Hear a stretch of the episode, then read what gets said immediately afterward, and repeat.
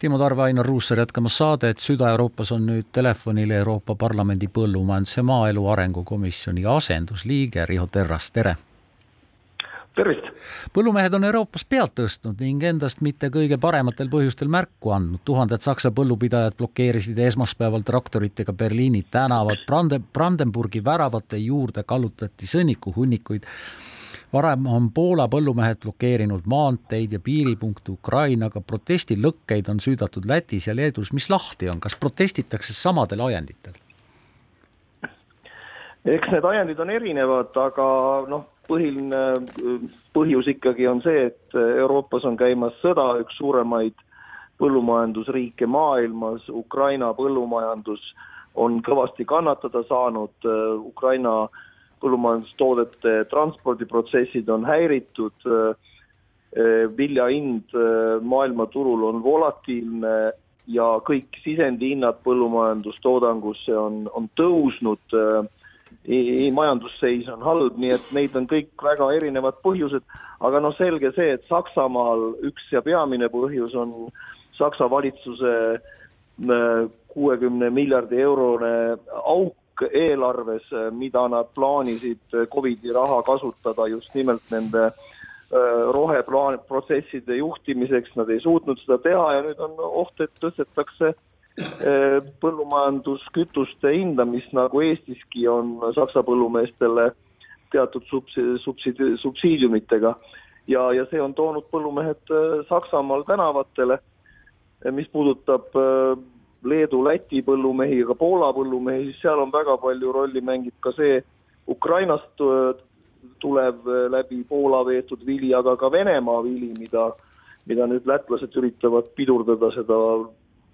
väljavedu Venemaalt läbi Läti ja, ja Leedu eks ta ole Saksa põllumeeste murele korra otsa vaadates, ma ei tea, kas see on Euroopas tavapärane, pigem ikka mitte, et kärpima minnakse üldise majandus nii-öelda languse tingimustes ja kriisi tingimustes esimese hooga põllumajandussektorist? no ma usun, et sakslased peavad selle kuuekümne miljardilise augu täitmiseks eriti olukorras, kus nad on siiski otsustanud Ukrainat väga suuresti toetada Eh, peavad eh, erinevates eh, valdkondades ja sektorites kärpima, aga jah, põllumajandus on üks nendest ja noh, eks muidugi peab tunnistama ka see, et talv on põllumeestele hea aeg streikimiseks, sest siis ei ole väga palju tööd vaja teha. põllumehed peavad muudel aegadel ikkagi põllul olema. Leedu ja Läti põllumeestele ja ilmselt ka teistele Euroopa põllumeestele valmistavad muret teravilja madalad kokkuostuhinnad. siin ma jooksen natuke kokku kas tegemist ei ole siis vaba turumajandusega, kus nõudmine on ja pakkumine on ja sellest kujuneb ka hind? no eks, eks, eks ta kindlasti on, aga veel kord, et kui, kui Ukrainast liikuv vili liikus vett mööda suurt, väga suurte lae, transpordilaevadega Aafrikasse, siis see kuidagi ei mõjutanud Euroopa just nimelt Ukraina lähipiirkonna riiki, aga täna äh, kui, kui see, kui see odav vili tuleb äh, autodega, siis lihtsam on ta koha peal maha müüa. ja, ja loomulikult on põllumehed oma, on teinud oma arvutusi, kui palju nende, äh, kui palju nende vili neile sisse toob. pean tunnistama, et õnneks väga palju Eesti põllumeest see konkreetne vilja hinna volatiilsus ei ei mõjuta, kuna väga palju Eesti viljast läheb ikkagi Skandinaaviasse ja, ja seal on hind äh, olnud äh, stabiilsem no Leedu Rahvusringhääling on kirjutanud ja te tõite ka välja, et madalate hindade juures ometigi Venemaalt liigub vilja üsna palju läbi Klaipeda sadamatega välja. ma mõtlen ikka nende sanktsioonide tingimustes agressorile, mis on loodetavasti, mida veel rohkem kruvitakse, kas toit ja toiduained on sellised asjad, mida kunagi sanktsioonide alla ei panda või? no Läti põllumajandusminister on, on omalt poolt sellise ettepaneku nüüd teinud, et Venest ja Valgevenest teravilja impordi keelustamist. aga noh, näiteks Eesti äh, Operail on juba loobunud äh, Venemaa viljatranspordist. Äh, kahjuks on, ei ole seda teinud Läti kolleegid ja, ja selle tõttu on Eesti majandus nii-öelda kannatanud, sest me oleme oma sanktsioone noh, endapoolseid nii-öelda ühepoolseid sanktsioone kehtestanud, äh, võiks ju olla nii, et ikka kõik äh,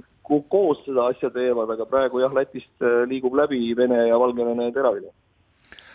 võiks selle küll kinni panna, ma arvan, et see oleks üks otsus, mida, mida Euroopa Liit peaks tegema. ega me peame Ukraina sõja juurde ikkagi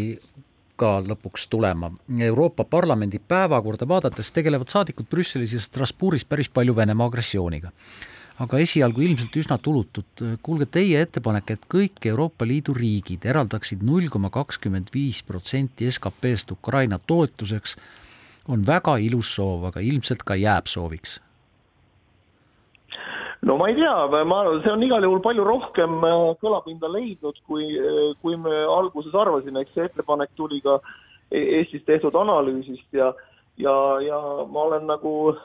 noh, näinud, et, et paljudes riikides on kohale jõudnud ja kui me vaatame, mis on, mis on teinud praegu suured Euroopa juhtriigid, äh, Saksamaa otsus eraldada seitse miljardit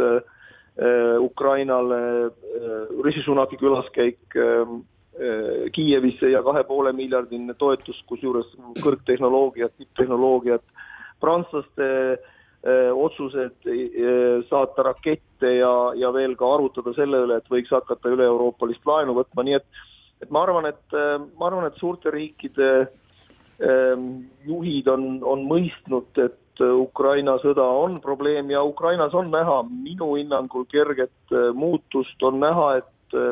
relvastusvarustus hakkab jälle Ukrainani jõudma. Aga jälle nagu üle, nagu alati, nagu ka sel suvel, et too little too late, et me peaksime rohkem tegema ja, ja sellega me siin Euroopa Parlamendis, ma arvan, kõigi Eesti saadikutega üheskoos teeme, no võib-olla Yana Toom välja arvatud Te olite ka üks toetajatest Euroopa Parlamendi algatatud pöördumisele, kus kutsutakse Euroopa Liidu Nõukogu algatama aluslepingu artikkel seitsme menetlust, mis lõppkokkuvõttes viiks siis Ungari hääleõiguse peatamisena. kirjaga ühines, ma isegi loen üllatavalt palju, sada kakskümmend saadikut, kes heidavad siis Ungarile ette Euroopa Liidu väärtuste eiramist ja ühehäälsust nõudvate otsuste blokeerimisel. kuidas tundub, kas sellele sammule on jääda ka antud, jääda saatus siis lihtsalt ühe avalduse tasemele, aga vähemasti me oleme sellest rääkinud, kas või sihikus no minu öö, otsus seda toetada on väga, lähtub sellest, et, et Orban lihtsalt Putini tallalakkujaga, tallalakkujana püüab teha kõik selleks, et et Euroopa Liit Ungarit ei toetaks. väga palju on juttu ühehäälsuse printsiibi kaotamisest, ma pigem eelistan seda, et praegu eksisteerivat regulatsioonidega seda Ungari probleemi lahendada, mitte ei, mitte ei hakata muutma nii-öelda ühehäälsuspõhimõtet. ehk et kui juba on ette nähtud selline mehhanism, siis proovime seda kasutada sellise, sellises olukorras, kus Orban lihtsalt põhimõtteliselt blokib abi Ukrainale ja Ukraina inimesed kannatavad selle all äh, väga oluliselt aga algatage siis Euroopa Liidu äh, reform näiteks sellest, et äh, kaotage ühehäälsuse nõue vähemalt rahvusvahelise õiguse ja inimõiguste küsimuses? ma just seda, just seda praegu ütlesin, et ma arvan, et seda ei, ei tohi mingil juhul teha, vaid peame kasutama praegu eksisteerivaid ja juba kokku lepitud eh, mehhanisme ja, ja mitte muuta fundamentaalseid aluseid, sealhulgas ühehäälsuse põhimõtet tulles nüüd lõpetuseks tagasi sinna, kus me alustasime, ehk siis põllumeeste mure juurde, no üks asi, mis neid kõiki liidab, kõiki Euroopa põllumehi nii Lätis kui Saksamaal ja ka toidutootjaid, on aina kõrgenevad energiahinnad, mis lõpuks tuleb ju vastu võtta tarbijalt see löök. kui suurt julgeolekuriski me selles nüüd näeme? no minu arust on, minu arust on energiajulgeolek üks väga oluline ja tähtis osa üleüldisest julgeolekust ja